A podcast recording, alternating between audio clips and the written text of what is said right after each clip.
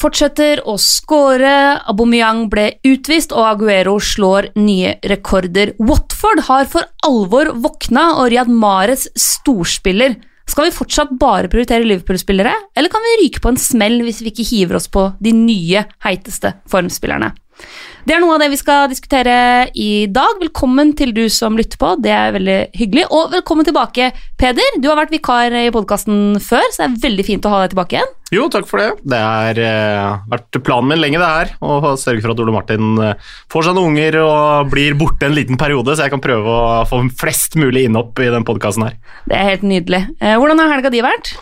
Det har vært uh, kjempefint. Ikke fått sett så mye Premier League-fotball som jeg som oftest gjør. Det har vært en helg prega av nedoverbakker, uh, men heldigvis bare i form av skikjøring. Vært i nydelige Adelboden og sittet på toppen av en, uh, av en publikumsrigg der det står en 5000-8000 sveitsere og gynger kontinuerlig. Så jeg er litt sånn sjøsjuk inn i, inn i mandagen. Men det er en fantastisk opplevelse. Veldig kult for å være en, en del av sånne type arrangementer også, ikke bare Premier League. Ja, fordi det er ikke sikkert alle veit det, men du er jo litt sånn potetkommentator. Du har vel kommentert det meste som sendes av sport på norske TV-kanaler? Ja, det kan du si, men jeg, har, jeg kom jo fra NRK til TV 2. I NRK så kommenterte jeg ekstremt mye forskjellig. Da var jeg gjennom Jeg tror jeg hadde 20 idretter i løpet av um, to og et halvt år. Så eh, jeg har kommentert fryktelig mye forskjellig, men i TV 2 så er det bare alpint og fotball. Ja, det er deilig det å skru seg inn på to idretter. Eh, det er mye å snakke om etter helga som var. Det har vært spilt mye herlig fotball. Men jeg tenker vi er nødt til å starte med et spørsmål som jeg syns er litt viktig, som kom inn på Instagram fra Bineto.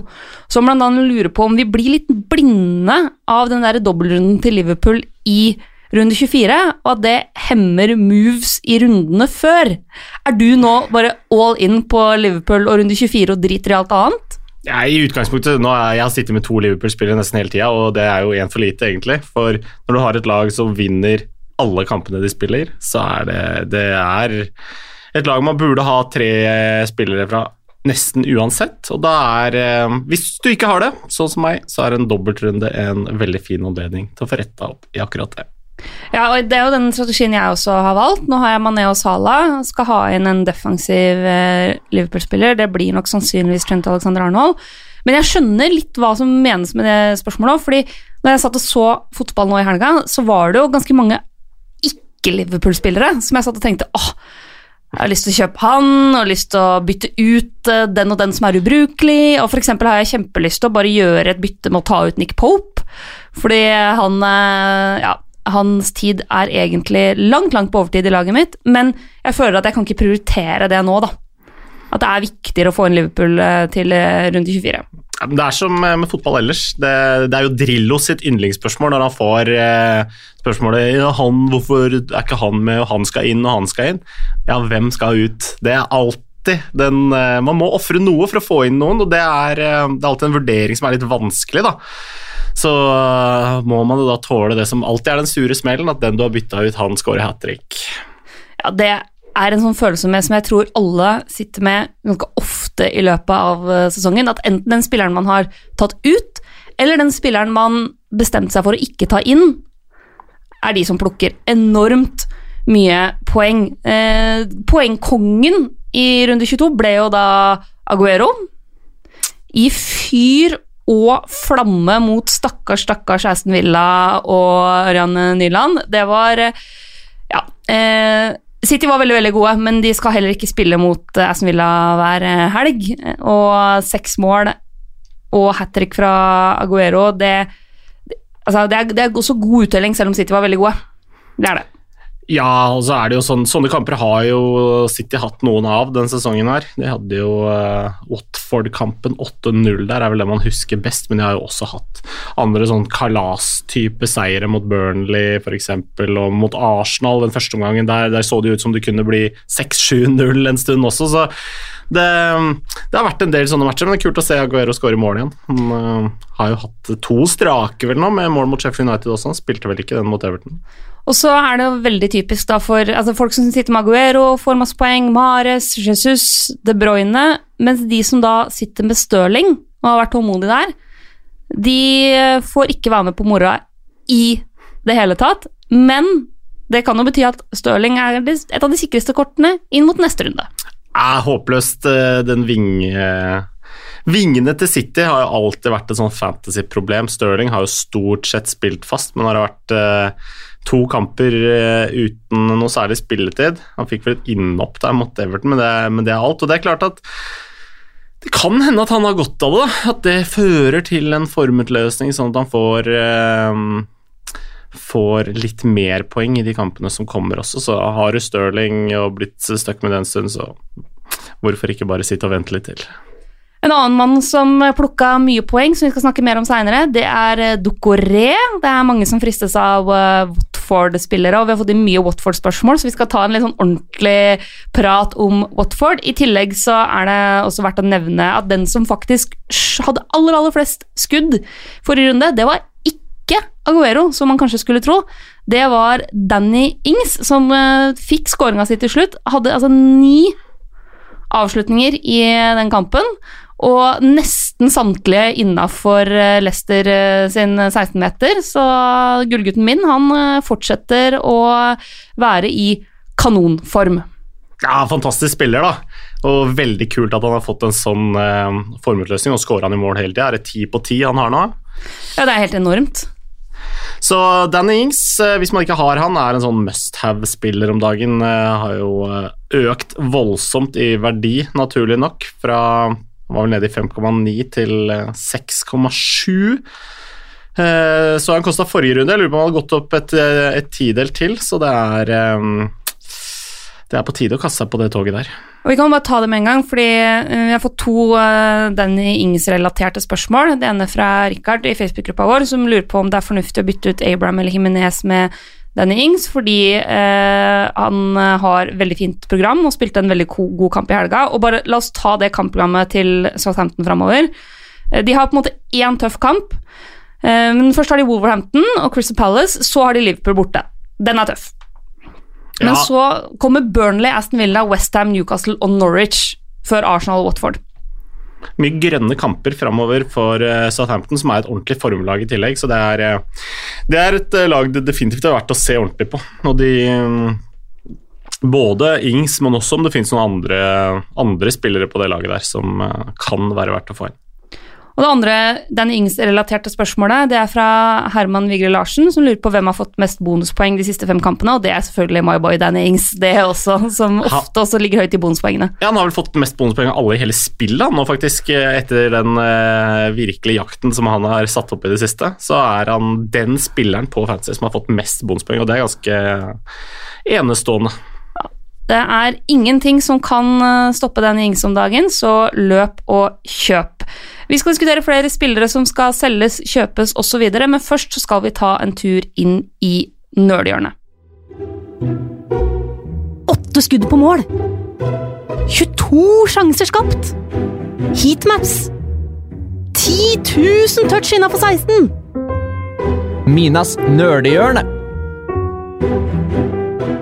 Fått mange innspill til Nerdehjørnet den gangen her, men det er eh, to forskjellige folk som har spurt om midtbanespillere som koster under seks blank.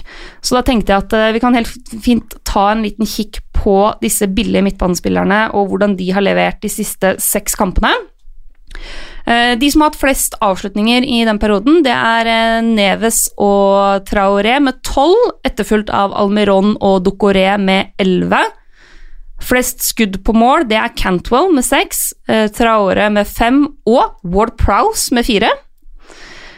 Flest skudd i boks, det er Almiron med ni, foran da El Ghazi og Cantwell på åtte. Ingen har hatt flere store sjanser enn eh, Flekk i denne perioden her blant de billige midtbanespillerne. Og ingen skaper mer enn Norwich sin eh, store helt Wendia. Men det er faktisk Norwood som skaper flest store sjanser foran Buendia. Og Traoré er den spilleren som har klart flest touch i motstanderens boks foran MacArthur. Det er liksom tallenes tale på midtbanespillerne under seks blank. Basert på det, hvem av de syns du frister mest? Uh, nei, det der er vanskelig. Altså, jeg sitter med Traoré sjøl, men jeg, jeg, er veldig svak for, um, for James Ward-Prowse. Syns han er en veldig bra spiller. Har uh, hatt lite uttelling på fantasypoeng i det siste. Men han er, han er, sånn høyt på kreativitetslister, tar dødballer, er involvert i veldig mye av Southampton-spillet. Og jeg sitter liksom med den følelsen at uh, her kan det plutselig bøttes inn en del mål. Um, plutselig så skårer han i tre-fire strake. Han hadde jo en sånn periode i, i fjor vår, vel, der han uh, plutselig scora mye mål. Så selv om han, han får jo ikke en sånn voldsom Altså, det, det blir ikke et, et vell av poeng på James Ward-Prowse, men han, han, kommer til å, å plukke mer poeng uh, utover våren. Det er jeg ganske trygg på. Vi snakka jo så vidt om, om kampprogrammet til Southampton, og jeg, jeg tenker Ward-Prowse er en artig løsning. Mm. Så har du jo også sånn som eh, altså, Gitt også for så vidt det kampprogrammet til eh, Southampton, så kan han være interessant. Eh, det er jo De gjengangerne som du ser går igjen i flere kategorier, er jo sånn som Traoré, eh, som jeg også har. Eh, jeg tenker at det er helt fint beholder han. Eh, I og med at han er såpass aktiv i motstanders boks, er såpass skuddvillig. Så kommer det litt an på hvis man er på jakt etter en, en midtbanespiller som man tenker skal være en del av startelveren i hver eneste runde, så syns jeg han er et godt alternativ. I den kategorien på de liksom billigst mulig, men som likevel kan levere, så syns jeg jo Cantwell og Fleck er de som peker seg ut. Eh, Cantwell har generelt gode tall, og jeg syns han også ser bra ut når jeg ser han spille fotball. Han, han, er aktiv, han tar initiativ, han er uredd og direkte, og det, det, liksom, det ser ut som om Altså, han er en sånn type spiller som skaper uh, ting rundt seg, da. Jeg er veldig enig. Todd Cantwell er en, en, en veldig artig spiller. Um, Buendia også er jo, når du sitter og ser Norwich spille, i hvert fall de kampene de får spille en del fotball, så er jo sånn som uh, uh, Buendia helt uh, Nydelig fotballspiller, veldig kul type som man liksom ønsker at skal plukke mer poeng. Eller så har de jo um, nå er ikke han under seks blankene, men Mason Mount er nede i 6-2. Så vi Oi. er jo um, Nå har han jo Det er jo en grunn til det, fordi folk driver og skipper han ut hele tiden. Det er derfor man, eh, man synker i verdi. Så det kan jo være en uh, variant. Traoré plukka jeg inn etter at jeg kommenterte matchen mellom City og Wolverhampton, som er noe av det villeste jeg har sett. Altså, det, er, det var liksom umulig å ta ballen fra han. Han har så ville tall på takk, eller på sånn hvor mange passeringer han gjør i løpet av en kamp. Og... så det, det, er jo en skandale egentlig at ikke han produserer mer enn han gjør. Og så kan vi nevne en type som Dwight McNeil òg, da. Så hvis mm. Burnley plutselig får litt fart på dødballene og sånn, så er jo han det lille kreative elementet de har i det laget. Så Ja, jeg hadde han jo på min sånn uh, topp uh, gjennombrudd forrige sesong. Uh, for jeg skrev om de liksom, unge spillerne som jeg mente hadde hatt liksom, det store gjennombruddet sitt. Da. Og de av de som spilte sin første ordentlige sesong med seniorfotball i Premier League. Jeg syns han er en veldig fin spiller, eh, og hadde nok Altså, han har én scoring og fem målgivende så langt i sesongen. Hadde han spilt et annet lag enn, annet lag enn Burnley, så hadde de tallene vært enormt mye høyere. Ja, det kunne fort vært det. Han er en kul spiller og veldig sånn u-Sean uh, Dyche-type spiller. Han, han, lærer nok å bli uh, ordentlig tøff gjennom de treningene der, men uh, samtidig så er jo det er jo et lag med mye muskelmenn. Altså folk som kommer litt for seint inn i taklingen og som deler ut litt albuer. og som, eh, som, løper rett på en vegg hvis du ber dem om det, mens eh, Dwight McNeil er en litt mer sånn finslepen spiller, så han, eh, han er et herlig innskudd i det laget der. Så følg litt ekstra med på han også i helga som kommer, for de av dere som syns det er gøy å ta en liten sjanse. Da tenker jeg at vi skal bevege oss inn i båten og finne ut hvilke spillere vi vinker farvel til, og hvilke spillere som bør stå øverst på handlelista denne fredagen. Har du sett det kampprogrammet, eller? Sitt stille i båten nå. Men han er jo i superform. Sitt stille i båten. Jeg kan bare ta minus fire. Sitt stille i båten. Vi må starte med Aubameyang. Truls Jørgen eh, har spurt eh, hvem som er det beste eller sikreste byttet mot Aubameyang, eh, med tanke på sånn kampprogram, form, sikker spilletid. Fordi Aubameyang eh, fikk jo et veldig rødt kort. Eh, klagde lite på, på det. Eh, og han har jo på en måte vært det ene sikre kortet i Arsenal så langt denne sesongen her. Eh, Men nå må han sone karantene, og han koster da 10,8, så da har man også litt penger å rutte med. Hvem ville du gått for hvis du skulle bytta Aubameyang med en annen spiss? Nei, det er jo de de der oppe som er, eh, som er verdt å se på, om du ikke har Vardy, han. Eh, Rashford kan jo være et alternativ hvis man, hvis man ønsker seg en Manchester United-spiss. Han leverer jo litt ujevnt, men det er jo Han står jo faktisk totalt sett med 14 mål og 5 målgivende på, på Fantasy, så Rashford er et eh, aktuelt alternativ. Da sparer du jo litt penger i tillegg. Danny Ings, da tar du fire til overs, og der er det muligheter. Så det er, det er en av de, ellers så hvis du tror at Aguero fortsetter så, og har litt penger i banken, så kan jo det være en veldig nyttig løsning. Han er jo tross alt bare 13% som eier nå. Ja, og det, altså det kan jo være en nøkkel for å finansiere en oppgradering et annet sted på banen. Hvis man f.eks. tar inn Danny Ings, så har du kanskje råd til å få inn en av Liverpool-gutta på midtbanen, f.eks. hvis du har to bytter. Eh, hvis du eh, kun skal gjøre et spissbytte, så vil jeg også, og eksempel har Vardy fra før av, så ville jeg også vurdert Firmino med tanke på den dobbeltrunden. Han er jo eh, Firmino er tidvis en litt frustrerende fantasyspiller. Fordi han veldig ofte er litt sånn hockeyassist. Tredje sist på ballen, og det er på en måte de to andre gutta som får lov til å styre showet når det kommer til en sånn målpoeng, da. Eh, men scoring nå mot eh, Tottenham eh, og to kamper i runde 24 gjør jo at Firmino også er aktuell hvis du ikke tenker å doble på Mané og Salah. Ja, men Firmino er jo en sånn type som jeg liker å, å styre litt unna. Jeg har jo én kjepphest i fantasy, og det er jo hvor ofte får du poeng. Og Firmino han er en sånn type som veldig ofte ikke får poeng. da.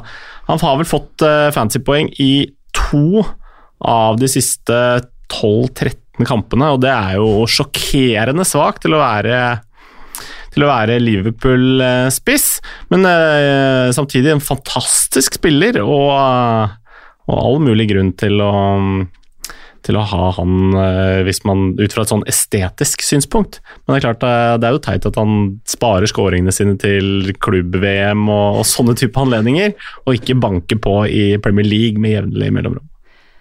Og eh, en annen spiss som det er mye snakk om nå, er selvfølgelig Aguero. Eh, hvis vi skal bevege oss eh, litt eh, over til Manchester City eh, Alexander Blix Kvamli eh, har et litt lengre spørsmål.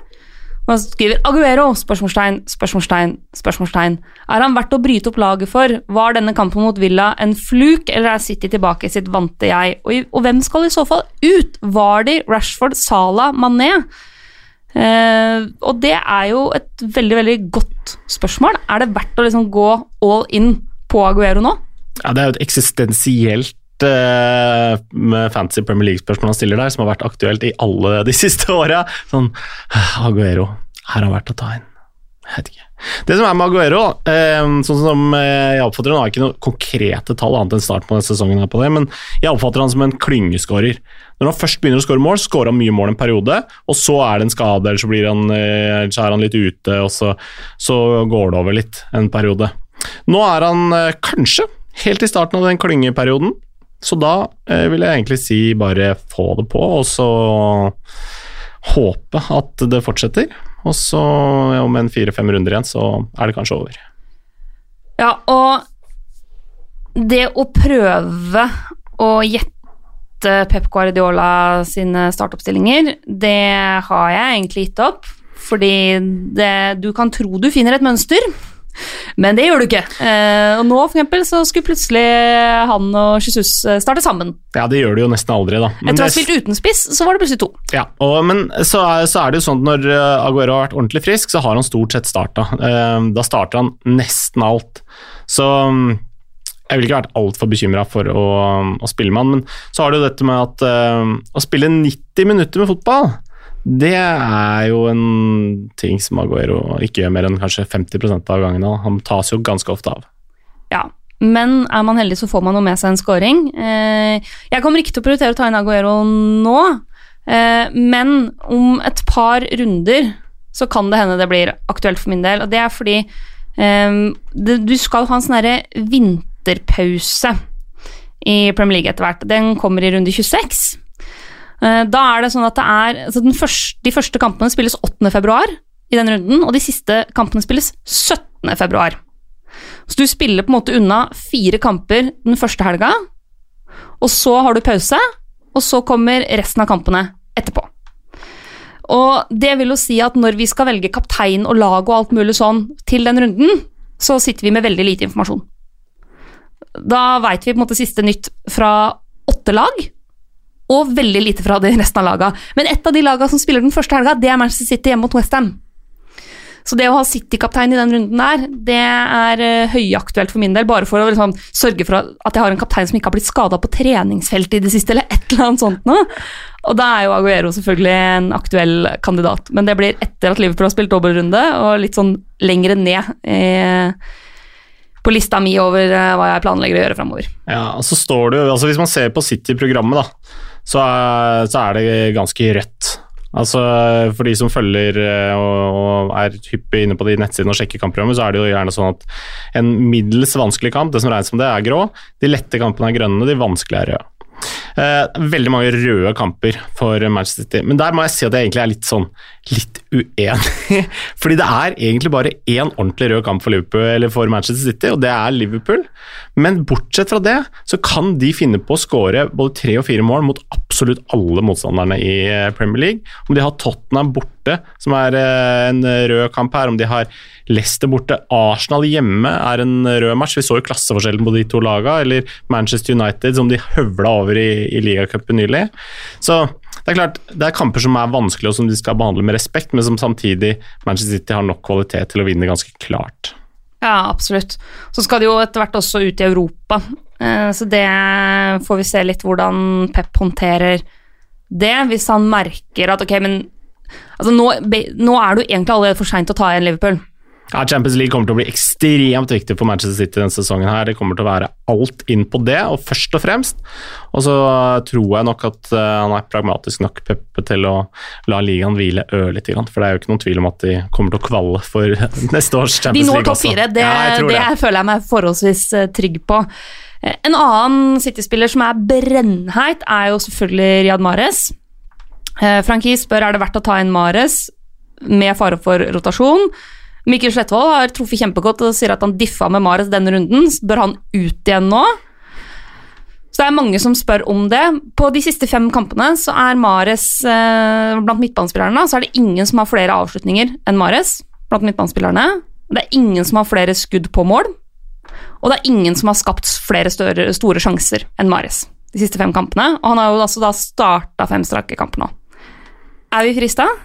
Jeg er alltid frista av uh, Riyad Mahrez, som jo også er en sånn fantastisk fotballspiller. Helt, uh, helt eksepsjonell og er jo litt annerledes enn mange av de andre alternativene i, i Manchester City, syns jeg. Um, men uh, en veldig kul spiller. selvfølgelig veldig frista, men de vingene til, til City er jo alltid litt sånn ah, Ja, hvem skal vi gå for? Og snart er vel om ikke med en gang, så er det ikke veldig lenge til Sané er tilbake igjen. Nå har Bernardo Silva fått et par hvilematcher. Det var jo en, en, en case for uh, Mares spesielt, som kom rett fra Afrikamesterskapet, nesten ikke hadde hvile i sommer. Fått, uh, han fikk jo en del uh, matcher i tida før jul, da han bare fikk hvile helt. Og vi ser jo at det har gitt resultater, for etter det så har han kommet tilbake og, og levert poeng i nesten alle kamper. Så han er eh, strålende. Har spilt masse fotball, og eh, man kan, eh, man kan med i hvert fall være trygg på at man har valgt en god spiller. Mm. Så hvis han starter, så er det en veldig god investering. Men så er det det at han i løpet av de neste tre kampene kommer til å starte i hvert fall igjen på benken. Ja, det er det evige problemet. Men altså, sånne ting akkurat er nå, da.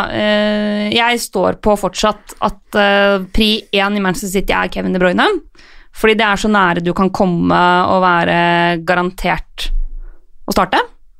Ja, og han har jo dette som jeg er opptatt av, at han produserer poeng stort sett hele tida. Ja, han er ekstremt jevn. Ekstremt jevn. Veldig fin å ha i laget sånn sett. Har jo, altså, de tallene han leverer på målgivende pasninger denne sesongen her, er helt vanvittige. Så Kevin De Bruyne er fortsatt nummer én for meg i City. Hvis man skal ha en City-spiller ekstra, så er altså, fordelen til Mares er at han er mye billigere enn Stirling Aguero. Ja. Så du binder opp mindre penger i en spiller som kanskje sitter på benk. ja, og nå, sånn som eh, nå, så har jo Stirling vært benka et par matcher, og Maris har spilt og han leverer jevnt, så det er ikke noen grunn til sånn sett. Og i hvert fall ikke velge en Stirling over en Maris, da. Sant? Så eh, jeg er frista, men jeg kommer ikke til å ta han inn nå pga. at det er eh, Liverpool som er eh, mitt fokus. Eh, men for sånn som Mikkel som sitter med Maris allerede, så er det ingen grunn til å selge han nå. Nei, definitivt ikke. Bare hold ut litt til og diff i vei. Ja, ja, ja. Eh, og så er det jo også selvfølgelig verdt å følge litt med på hva som skjer ellers i, i andre turneringer eh, framover også. Eh, når eh, Champions League kommer for fullt, så tipper jeg at vi bare må forvente mer eh, rotasjon. Det er jeg ganske sikker på. Enda mer enn det vi har hatt til nå fra, fra City. Så vi, har vi fått ett spørsmål som jeg syns er veldig interessant, eh, av en kollega av oss faktisk, eh, Martin Etcliffe, om Leicester. Som lurer på om det er på tide å kaste ut Leicester-forsvarere nå som eh, Ndidi er skada. Det så mørkt ut mot Saints uten det skjoldet foran forsvarsrekka. Og jeg sitter med Leicester-forsvarer, så Jonsju, har du Leicester i laget ditt? Akkurat den samme. Ja, Hva tenker du om det? Nei, jeg syns det er et uh, ganske godt spørsmål. Jeg har uh, uh, Jeg fikk jo gleden av å, å ha Leicester live like før jul, og det er noe med det Leicester-laget som jeg har sittet og tenkt at det kan hende at det ikke holder så bra, for det er de samme spillerne som har spilt hele tida. Slitasjen begynner litt, og nå en Didi ute. Da er det litt Det er, det er et sårbart lag, da, selv om det er mange gode fotballspillere der. Så, så har de nok uh, hatt en poengfangst som har vært litt over det de egentlig har kunnet forvente gjennom høsten. Og nå er det jo sånn eh, eh, Slitt litt i det siste, har vel uh, to, to seire på de siste seks matchene. Sluppet inn mål nesten hver eneste kamp, holdt nullen én gang, siste sju. Og da er det det er en tøff oppgave å eh, reise til Burnley, selv om det vel er bevist at Burnley borte ikke er så tøft som man tenker at det skal være, så er det Det, mm, det blir en, en ny tøff kamp for Leicester, og de skal virkelig slite for å holde tabellposisjonen sin uh, utover våren. Mm. Og sånn for min del så er det jo, hvis jeg skal f.eks. få inn Trent Alexander Arnold, så er jo veien dit veldig mye lettere hvis jeg selger Soyuncu, enn hvis jeg skal prøve å gjøre f.eks. Eh, eh, Kelly eller Rico til Trent Alexander Arnold. Så jeg vurderer å cashe inn på han neste runde. Og jeg ville ikke tatt inn Leicester defensivt nå. Det siste vi har hørt om Ndidi sin situasjon, det er at han har hatt en kneskade, hatt en liten operasjon. Uh, det siste jeg har sett, er fra 10. januar, uh, hvor han da hadde begynt uh, sin rehabilitering, og det var snakk om kanskje tre-fire uker ute. Så Det er på en måte det vi veit så langt, og så skal jeg oppdatere på fredag hvis det kommer noe nytt på den fronten. Ja. Så kan jeg si at uh, Ndidi, før vi begynner å snakke om andre spillere jeg syns er undervurderte, så at Ndidi kanskje i mine øyne er den mest undervurderte spilleren i Premier League. Fantastisk spiller. Helt enig. Et annet eh, lag som vi kanskje har undervurdert tidligere i sesongen, eh, men som nå er på alles lepper, det er Watford. Der kommer det. Og, eh, Det er et lag du er glad i. Ja, for jeg er jo en velkjent uh, Ducoré-entusiast. En av de få som finnes her i Norge som virkelig er eh, glad i, i Ducoré. Og nå har han begynt å skinne igjen. Watford vinner fotballkamper, er over streken igjen for det som vel må være første gang i hele sesongen. Og har, ja, tatt 13 av de siste 15 mulige poengene og er eh, virkelig i ferd med å vise hva de er gode for. og Det er noe som jeg på mange måter har venta litt på, at de skulle få en sånn formeksplosjon. For det er for mange gode fotballspillere i den troppen til at de skulle bare ligge og slure, slure i bånn hele, hele sesongen. Og Da er vi litt inne på det Kristoffer Bang spør oss om. Uh, Watford, vil dette fortsette? Uh, tror analytikeren, uh, spør han om. Og jeg har sett litt på, på, tallene til Watford før og etter Pearson kom inn som trener. fordi altså, sånn, når du ser på altså, Før han kom inn, så hadde de vunnet én kamp. Etter han kom inn har de vunnet fire av seks, så det er helt åpenbart at noe har skjedd. Spørsmålet er er dette her noe som er, er det bare flaks og flyt og gøy, eller er det også noe vi kan tallfeste? Og, og altså Når vi sitter og ser kampene, øyetesten sier jo helt åpenbart at Watford har blitt bedre. Eh, forbedringen hvis du ser på tall per kamp, på liksom mål, eh, mål per kamp, veldig mye høyere nå enn før. Men hvis du ser på sånn skudd per kamp og skudd på mål per kamp og sånne ting, så er det det er ikke sånn kjemperevolusjon gående, men det er jevn forbedring på veldig, veldig mange kriterier. Altså, de har blitt litt bedre på veldig mange ting. Så er det noen ting hvor de har en markant økning. Det er antall overganger, altså kontringer de får. Og så er det antall store sjanser skapt, i tillegg til at det er en klar defensiv forbedring. da. Eh, men liksom store, de skapte flere sjanser totalt før Pearson kom inn, men de skaper større sjanser nå. Så de sjansene de får, er større og de selvfølgelig treffer på flere av dem. Eh, og de har blitt flinkere til å, å skape gode overganger, da. Um, og det syns jeg er interessant, fordi det er jo nettopp den type ting jeg mener Watford har spillere som virkelig kan utnytte. Når du har Sarr og Deolofeo på hver sin kant, f.eks., så har du jo definitivt spillere som kan utnytte overganger. Eh, Troy Dini tilbake. Det er veldig viktig for Watford. da, at uh, Noe av nedturen til, uh, til, Watford har nok skyldtes litt at, uh, at, en sånn frontfigur som Troy Dini har vært ute med skade så lenge. Mm. Så Det er liksom ikke sånn der, det er ikke en enorm omveltning på absolutt alt, men det er en jevn forbedring på mange kriterier for Watford sin del. og så er det jo da at det er Dini tilbake. Sarr har begynt å finne seg til rette og finne form. Det er viktig. Jeg, jo, jeg holdt jo på å ramle av stolen da Sarr signerte for eh, Watford på deadline day. Han var en spiller jeg ble enormt glad i forrige sesong, i Europaligaen. Eh, hvor han eh, storspilte. Du har vel også kommentert han før, har du ikke det? Jo da, eh, for Watford også, men, eh, men, også i VM 2018 for Senegal der. Så ja. hadde første, første bekjentskap med Ismail Sar, og han er eh, veldig kul spiller. Men han ser jo Veldig mye av det han gjør, ser jo litt tilfeldig ut, da. Så Litt som Watford, egentlig? Ja, men han er en sånn spiller der jeg blir litt sånn åh, ja, klarer han å gjøre det der igjen? Tenker jeg hver gang han gjør et eller annet bra. Så han eh, jeg, jeg, hadde ikke stort helt på en Ishmael Sai. Det, det, er sånn som jeg er redd for at fort kan bli fryktelig frustrerende hvis han uh, brenner sjanse etter sjanse. Men akkurat nå er det flyt. Men jeg vil jo si Vi, vi nevnte jo uh, midtbanespiller til under seks i, i stad, og Dokore nå. Mer jeg har fått eh, veldig mye tillit på innløp i boks og, og, skal være med å involvere seg offensivt. og Da er han jo en slags Yaya Touré light i, i, i Watford, i hvert fall. Ja, og jeg syns jo eh, Dokoré definitivt er aktuell pga. pris, men også fordi han har ganske ålreite tall og ser bra ut. Jeg syns Sarr er gøy. Eh, jeg syns Troy er enda morsommere. Ja, og så er jo den beste fotballspilleren i, i Watford er jo Deolofeo, eh, som jo eh, er en, en, fest å se på når han er påskrudd. Så er det litt for sjelden, dessverre, men eh, når han er eh, Når han er i form, så er det veldig, veldig eh, moro å se han, altså.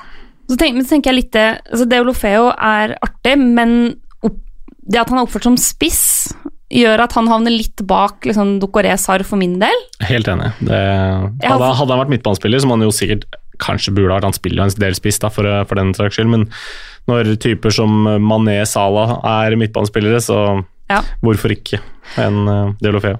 Jeg har foreløpig kun én uh, Watford-spiller, det er Cathcart. Men han uh, holder jo nullen, han. Men jeg, jeg, må også si altså, en grunn til at jeg tenker Troy Dini også kan være aktuell, han koster 6-2. Uh, og er jo skikkelig mainman i det laget, men han tar jo også straffer. Og med på en måte Sarr og Deolofeo, som skal mye inn i boks, uh, og så ser jeg jo for meg at det kan bli noen straffer til Watford framover. Ja, definitivt. Det kan det bli. Og jeg syns jo også at det er interessant forsvarsmessig, da. For det er jo de billigste forsvarsspillerne du får tak i omtrent, og nå har de holdt nullen tre av fem siste, så Så Cathcart for eksempel koster 4-3. Det kan jo være en meget uh, god deal. First Price-forsvarer, det der. Ja. Veldig, veldig ryddig. Det haster jo Nå har de jo Tottenham nå, så det haster jo ikke sånn kjempemye å hive inn uh, forsvarere, men man kan helt fint sitte med noe offensivt skyts derfra. Uh, og etter det så har du tre ålreite kamper med Aston Villa, Everton og Brighton. Uh, og så får de en De har en sånn United-Liverpool-kombo der i februar, rett etter hverandre, som kanskje er litt tung, men de offensive spillerne eh, Jeg syns det er verdt å investere i Watford nå. Ja, og så vil jeg også si, da, selv om de møter nå Spurs eh, hjemme, så de siste matchene de har vært veldig solide. Slapp inn to mål mot Liverpool, riktignok, men ellers er det sånn ett baklengs mot Sheffield United, ett mot Wolverhampton. Men de har, eh, de har slått United, eh, eller Manchester United hjemme, de slo Villa hjemme uten å slippe inn mål. Så det er, de har sluppet inn lite mål også i de kampene de ikke har holdt nullen, mot ganske god motstand. Så det, det går an at de holder null mot Spurs. De var veldig veldig nært å gjøre det forrige møte, faktisk. Så det kan nok eh, Et, et Tottenham som eh, allerede har begynt å slite litt eh, under Mourinho, er, er kanskje et godt bytte for Watford denne runden. Og så er det dette, Nå skal jeg snakke med hjertet og ikke med hodet, men det er veldig gøy å ha Watford-spillere på fantasy. Hvis du vil ha det mest mulig moro med liksom Premier League-helga uh, og fantasy-laget ditt, så det er, veldig, det er aldri kjedelig å ha Watford-spillere på laget. Nei, Watford er et, det er et kult lag, så de, de er lette å like. Og Watford Spurs blir sikkert en herlig match, så den er, den er verdt å få med seg. Ja. En annen eh, kamp som eh, jeg gleder meg veldig, veldig til, er jo storkampen vi får nå eh, til helga. eh, Nemlig søndag kveld med Liverpool mot Manchester United. Eh, Og vi får veldig mye spørsmål om hvilke Liverpool-spillere man skal satse på. Hein Raum Andreassen lurer på om man skal gå med Trent og Sala, eller Trent Sala og Wijnaldum, faktisk. Frida Katarine Junker lurer på om Sala er must have til dobbeltrunden i tillegg til Trent og Mané.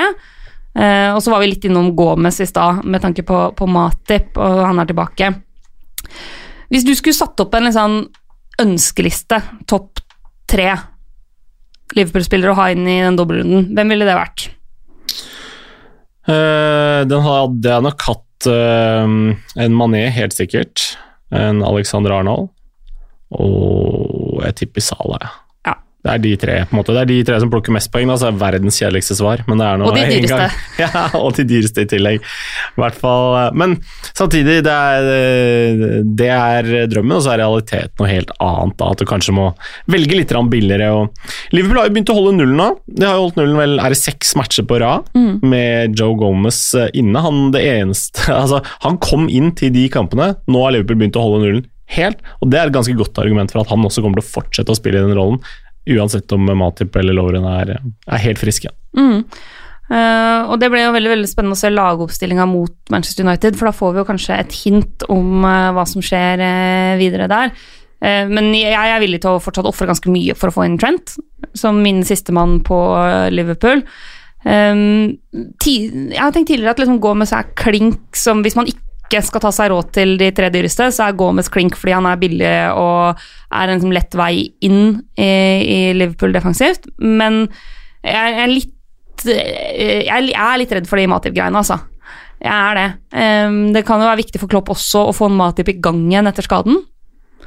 Um, så det at Lovren er på vei tilbake, det er jeg ikke stressa over i det hele tatt. Han bør være liksom nederst på lista. Ja, men hvis du ser, altså, Man kan gå en uh, halvannen sesong tilbake igjen. da. Starten på forrige sesong, da var alle friske. Da spilte jo, da spilte jo Joe Gomez fra start av. Det var jo han førstevalget, så ble han skada, så var han ute, og så vokste Matip fram som en sånn kjempemakker til eh, van Dijk. Men nå som Mati har vært ute, så har det vist at ja, det går bra likevel. Og nå er plutselig Joe Gomez inne i laget for å spille, stopper yndlingsposisjonen en god periode, og viser jo at han er eh, han er et veldig trygt valg, og det er jo litt på, påtagelig at Liverpool endelig har begynt å holde nullen. For det er jo faktisk sånn at selv om de vant alt også i starten av sesongen, så slapp de inn mål nesten hver eneste kamp. Så Det er eh, Jeg, synes syns det er ganske mange vektige argumenter da, for at Joe Gomez kommer til å fortsette å være førstevalg. Mm. vi snakker nesten ikke om Robertson. Nei, og det er jo helt eh, superteit, selvfølgelig, for han er jo også helt fast, spiller hele tida, og han leverer jo bra med målgivende. Seks vel totalt i fantasy-sesongen her, og um, han er, han er også et veldig godt alternativ hvis du mangler noen tideler på å få kjøpt Alexander Arnold. Eh, og så er jo Mange husker jo kanskje at uh, van Dijk skåra vel mot Wolverhampton tidligere, gjorde han ikke det? I hvert fall, altså, Van Dijk er jo enda hakket billigere og kjempesikker. Altså, han tror jeg er liksom sistemann Klopp hviler. Ja, han har jo spilt alt så langt. Så, ja, og han har jo en helt enorm fysikk, så han tåler det jo også. Så ja, men Begynner å bli en stund siden siden forrige cornerskåring òg. Han hadde jo to mot Brighton, Ja. eh, så det var jo mitt, eh, en av mine fantasy-sesongers høydepunkt, som har sittet med van Dijk hele veien. 17 poeng i den runden der. du skulle tro at han scora mer på huet når han er så god i lufta. Ja, eh, men folk er jo ekstremt oppmerksomme på han nå, da. Så um, han, eh, han får tøff motstand.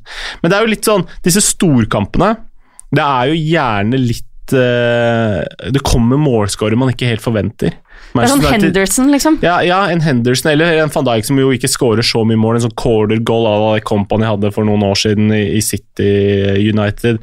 Eller så dukker det opp sånne karer som en Oxlade Chamberlain som scorer, eller en Lalana som scorer sist. Så ja, Origi har dukka opp og scora i disse storkampene. Så, eh, det der er jo det som gjør at sånne typer kamper, som et Liverpool-Manchester United, er veldig vanskelig fantasy-messig.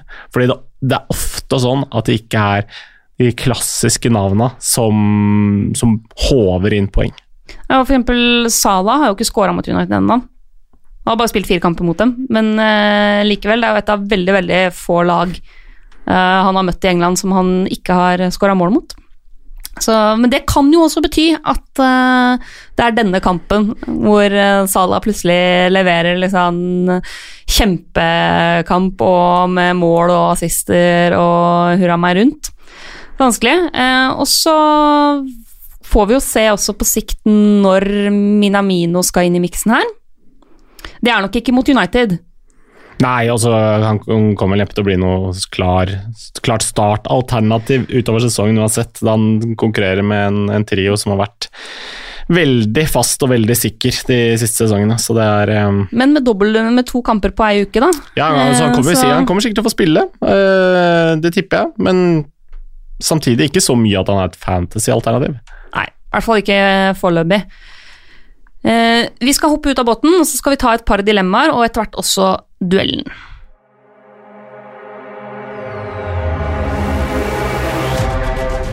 Nei, nei, nei, nei! Nå er du helt på bærtur! Det er jeg helt uenig i. Mener du det?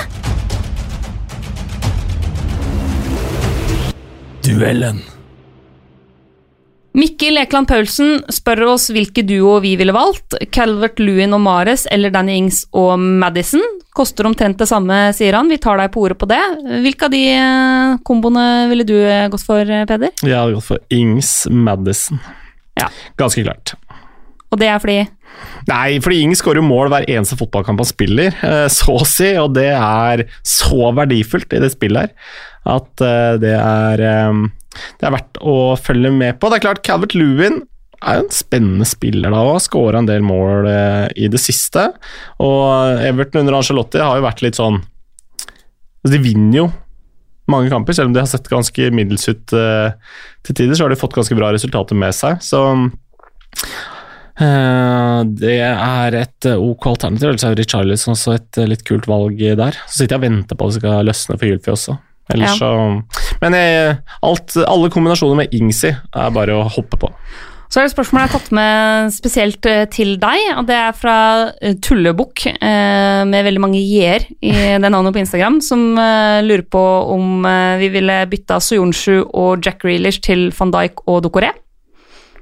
Uh, ja, det er ikke noe å lure på det. Hvis vi sitter med, med de to førstnevnte der, så er det bare å få det vekk og få inn Dokoré, selvfølgelig. selvfølgelig. Det er nydelig. Eh, Vidar Vassrud eh, sier Rico, stay or nay, hvem er billigst mulig fornuftig erstatter med spilletid? Få ut eh, Diego Rico. Bournemouth sliter helt fryktelig. Jeg frykter veldig for deres eksistens i Premier League utover denne sesongen her. Ut med Rico, inn med Catcart. For eksempel, og jeg er helt enig, altså, øh, satt og så Bournemouth nå i helga, det er jo et lag hvor ingenting funker akkurat nå. Nei, de skårer ikke mål og slipper inn uh, bøttevis. Det er helt uh, fryktelig. En veldig dårlig kombo. En, noen andre alternativer er jo altså eh, Lacelle er på vei tilbake fra skade. Han er nå nede på Skal vi se, jeg skal finne Jeg skal dobbeltsjekke prisen. Jeg sjekka den nemlig i går, men det skal mye til at den har steget i løpet av natta. Han koster 4-2. Ja. Så det er en billig mulighet. Cahill etter kampen mot City Eh, han også er den det billige sjiktet. Og så er det jo da, eh, med tanke på kampprogrammet til Southampton, Jack Stevens 4,3. Ja, alt, eh, alt, det der er gode alternativer. Kan være et veldig mye bedre alternativ enn å fortsatt sitte på Bournemouth defensivt, tenker tenker i hvert fall jeg. Ja, det, det kan bli minuspoeng i Bournemouth-forsvaret nå, så det er eh, Nei, det, det, det, altså det blir en spennende kamp til helga. Norwich-Bournemouth. Det, det, er en kamp som begge lag må vinne. og um, det blir eh, veldig veldig spennende å følge med på, men jeg har, jeg har troa på Norwich akkurat nå, i det, det selskapet der. Jeg tror de syntes de var friske også førsteomgangen mot uh, Manchester United nå i helga. Så um, ja, jeg er helt enig. Så er eh, Rikard Johan Bligård i likhet med meg eh, Ser det ut som at han også er lei av Pope. Han har hatt Pope fra starten. Er det nå god, grunn, god nok grunn til å bytte han ut, og hvem skal da inn? Eh, er det bare å si ha det til eh, Pope med en eneste gang? Det har vært vanskelig, vanskelig fantasy-sesong med tanke på dette med å holde nullen. Da. Mm. Fordi det er så Det er egentlig ingen som har holdt nullen sånn ekstremt mye. De lagene som har klart det flest ganger, er vel, er vel åtte, med Sheffield United og Liverpool um, i hvert fall. Og det er um, Så Burnley de ligger der oppe, men det er kanskje en stund siden sist. Så kan man velge om man vil tro at det snart skjer igjen, eller det motsatte. Jeg vet ikke, jeg sitter med Pop sjøl, jeg tenker jeg har ikke egentlig vurdert å bytte han ut. Og tenker at uh, Burnley, de Et Sean Dyche-lag, de, de, går aldri altfor lenge uten å holde nullen.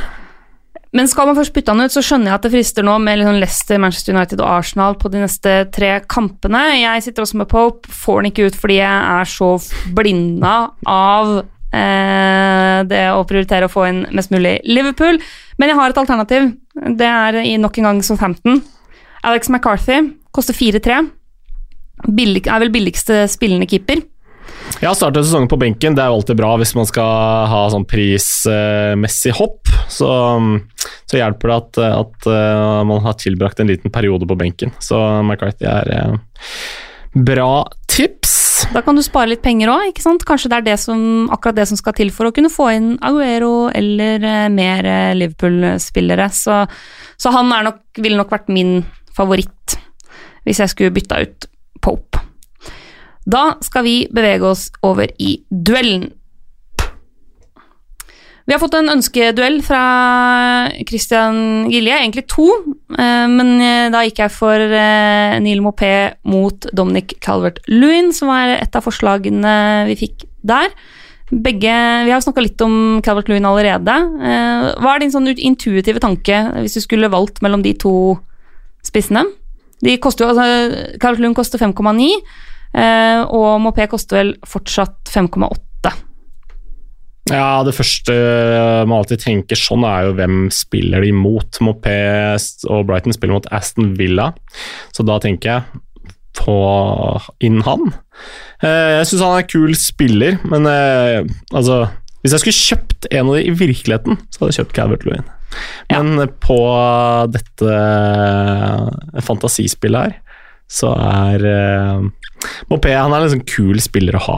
Mm. Og det, nå er det vel eh, Han har vel ikke akkurat bøtta i mål i siste. Det er fem kamper siden sist han scora, ser jeg. Men da kom det jo tre på rad.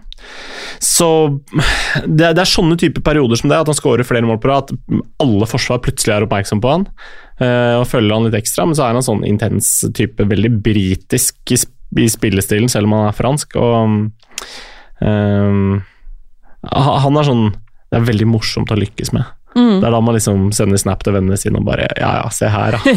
Se, Tolv poeng på moped. Ok, ok.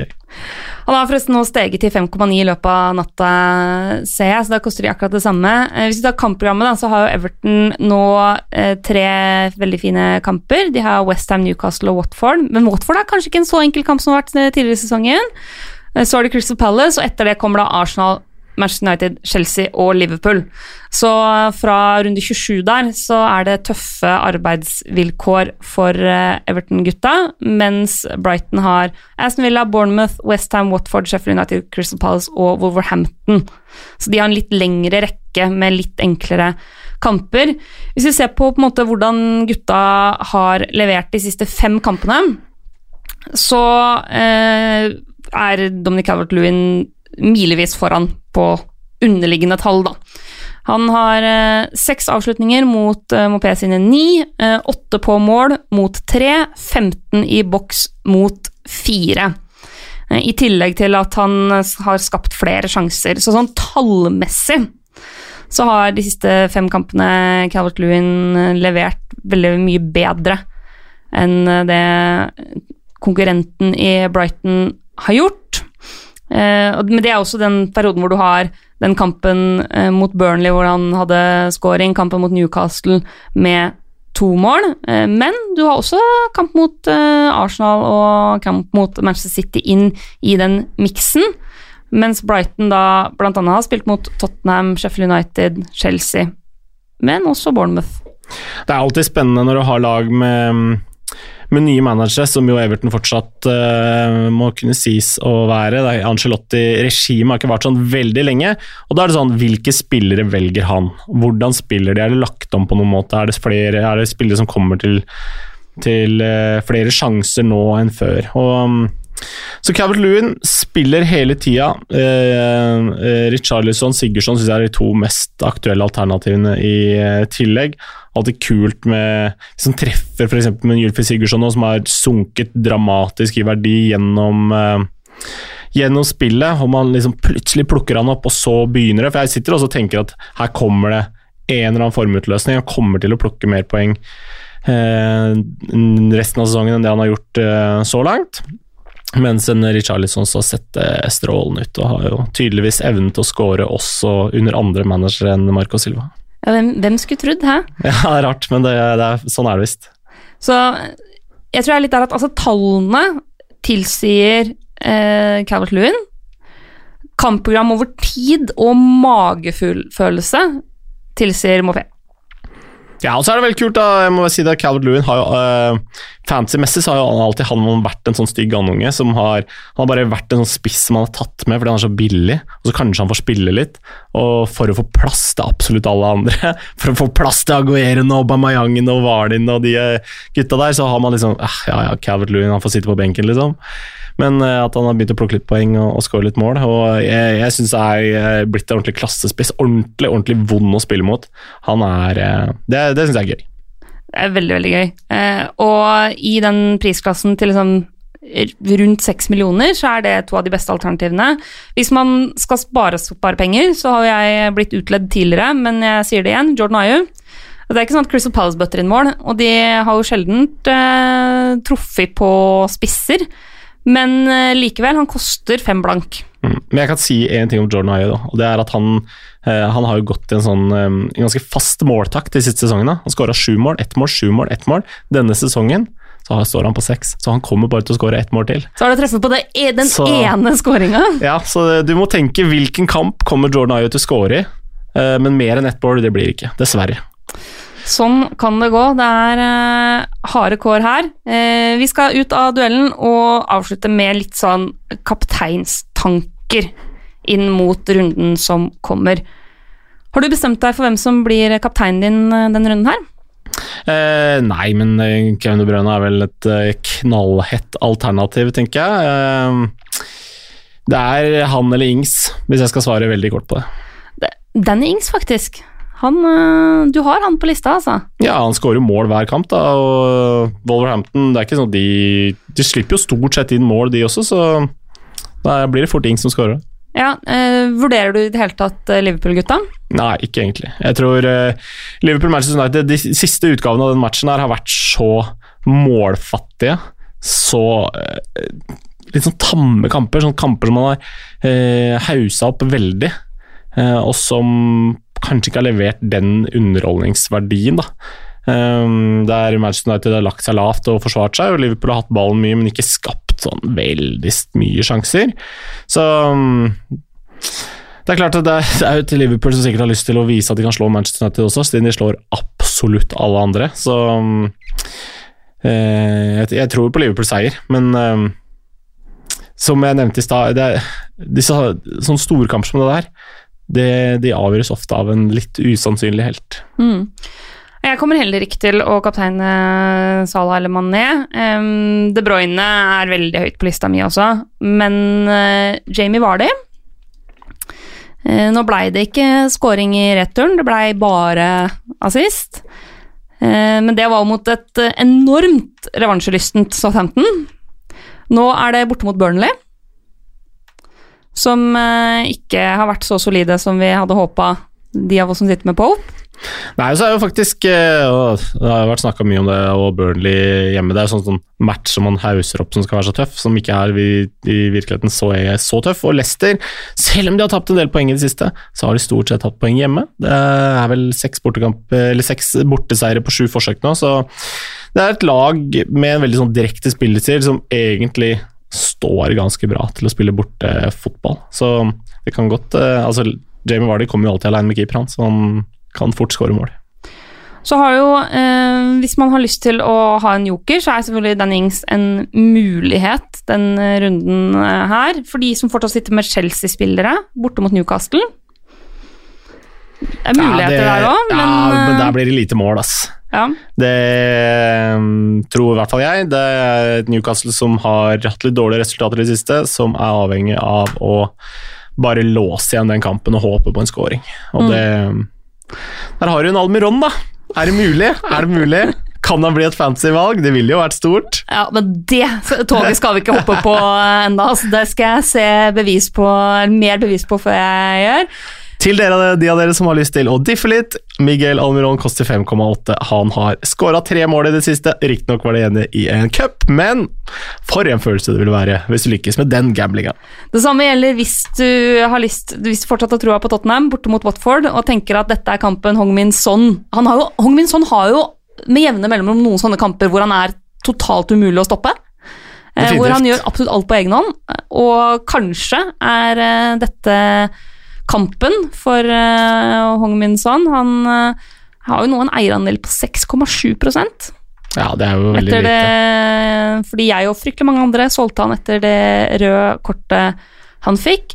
Og så er jo også spørsmålet, Dette kommer ikke jeg til å satse på på noen som helst måte, men Arsenal hjemme mot Sheffield United, Lacassette nå som Aubameyang er ute Da forholdsvis sikkert eh, at han blir hovedmannen offensivt. Ja, altså det, det er jo en sånn uh, Sitte og vente litt på uh, på noen sånn soleklare Arsenal-valg da, utenom uh, Aubameyang. Fordi det er jo et lag som har sett mer sånn intenst ut etter at Arteta tok over. Litt mer innsats, litt mer tæl i, i alle. Men fortsatt så er det litt sånn derre Eh, ja, jeg klarer liksom ikke å produsere så mye. og At ikke en uh, Mesut Özil eksempel, har klart å notere seg for ett eneste målpoeng i løpet av de fire matchene der som han har uh, starta, det, det er jo både overraskende, men også litt sånn Ja, ok. Hvor lenge ser vi denne oppblomstringa av den nye Mesut Özil, der han faktisk løper hele tida? Nei, og Vi må vel være så ærlige at uh, sjansen for at noen av oss har Arsenal-kaptein eh, i de kommende rundene, er veldig veldig lav. Ja, og ikke mot Sheffield United, i hvert fall. Uh, så for meg så koker det egentlig ned til Vi kan snakke så mye om artige valg som vi bare vil, men det koker ned til at det blir enten Jamie Vardy eller Kevin De Bruyne. Ja, og trygge valg er alltid veien å gå med en kaptein. Yes. Da tenker jeg at vi er ved veis ende for denne gang. Nydelig å ha deg med. Ha deg tilbake. Ja, takk for det. Det er gøy det å få en, en liten tur eh, innom Fancy Studio mellom disse Sveits-turene. Kan anbefale alle å få med seg Vengen utfor til helga på lørdag. Da er det et eh, nydelig, nydelig eh, utfor en. Det er liksom ja, øyefred i halvannen time, så det er Det anbefaler jeg alle. Skal vi prøve å formidle det så bra som mulig. Ja, Det klarer dere helt garantert. Når er det dere drar i gang? Eh, godt spørsmål. Det har jeg ikke sjekka. Det pleier å være ganske tidlig på morgenen. Jeg er i hvert fall i Vengen, så jeg skal sørge for at jeg er på plass i tide. Eh, Ja, jeg ser på sendeskjemaet vårt at det er utfor eh, menn fra klokka tolv, og det er perfekt, for da kan du se det før du skrur over med Watford-Tottenham fra klokka ett. Ingen unnskyldninger. Få det med Så dere. det blir en nydelig sportshelg, ikke bare fotballhelg. Eh, Vi snakkes på fredag. Da er jeg tilbake på Instagram og Facebook-gruppa vår med siste nytt fra pressekonferansene. Så får dere ha en nydelig uke i mellomtida.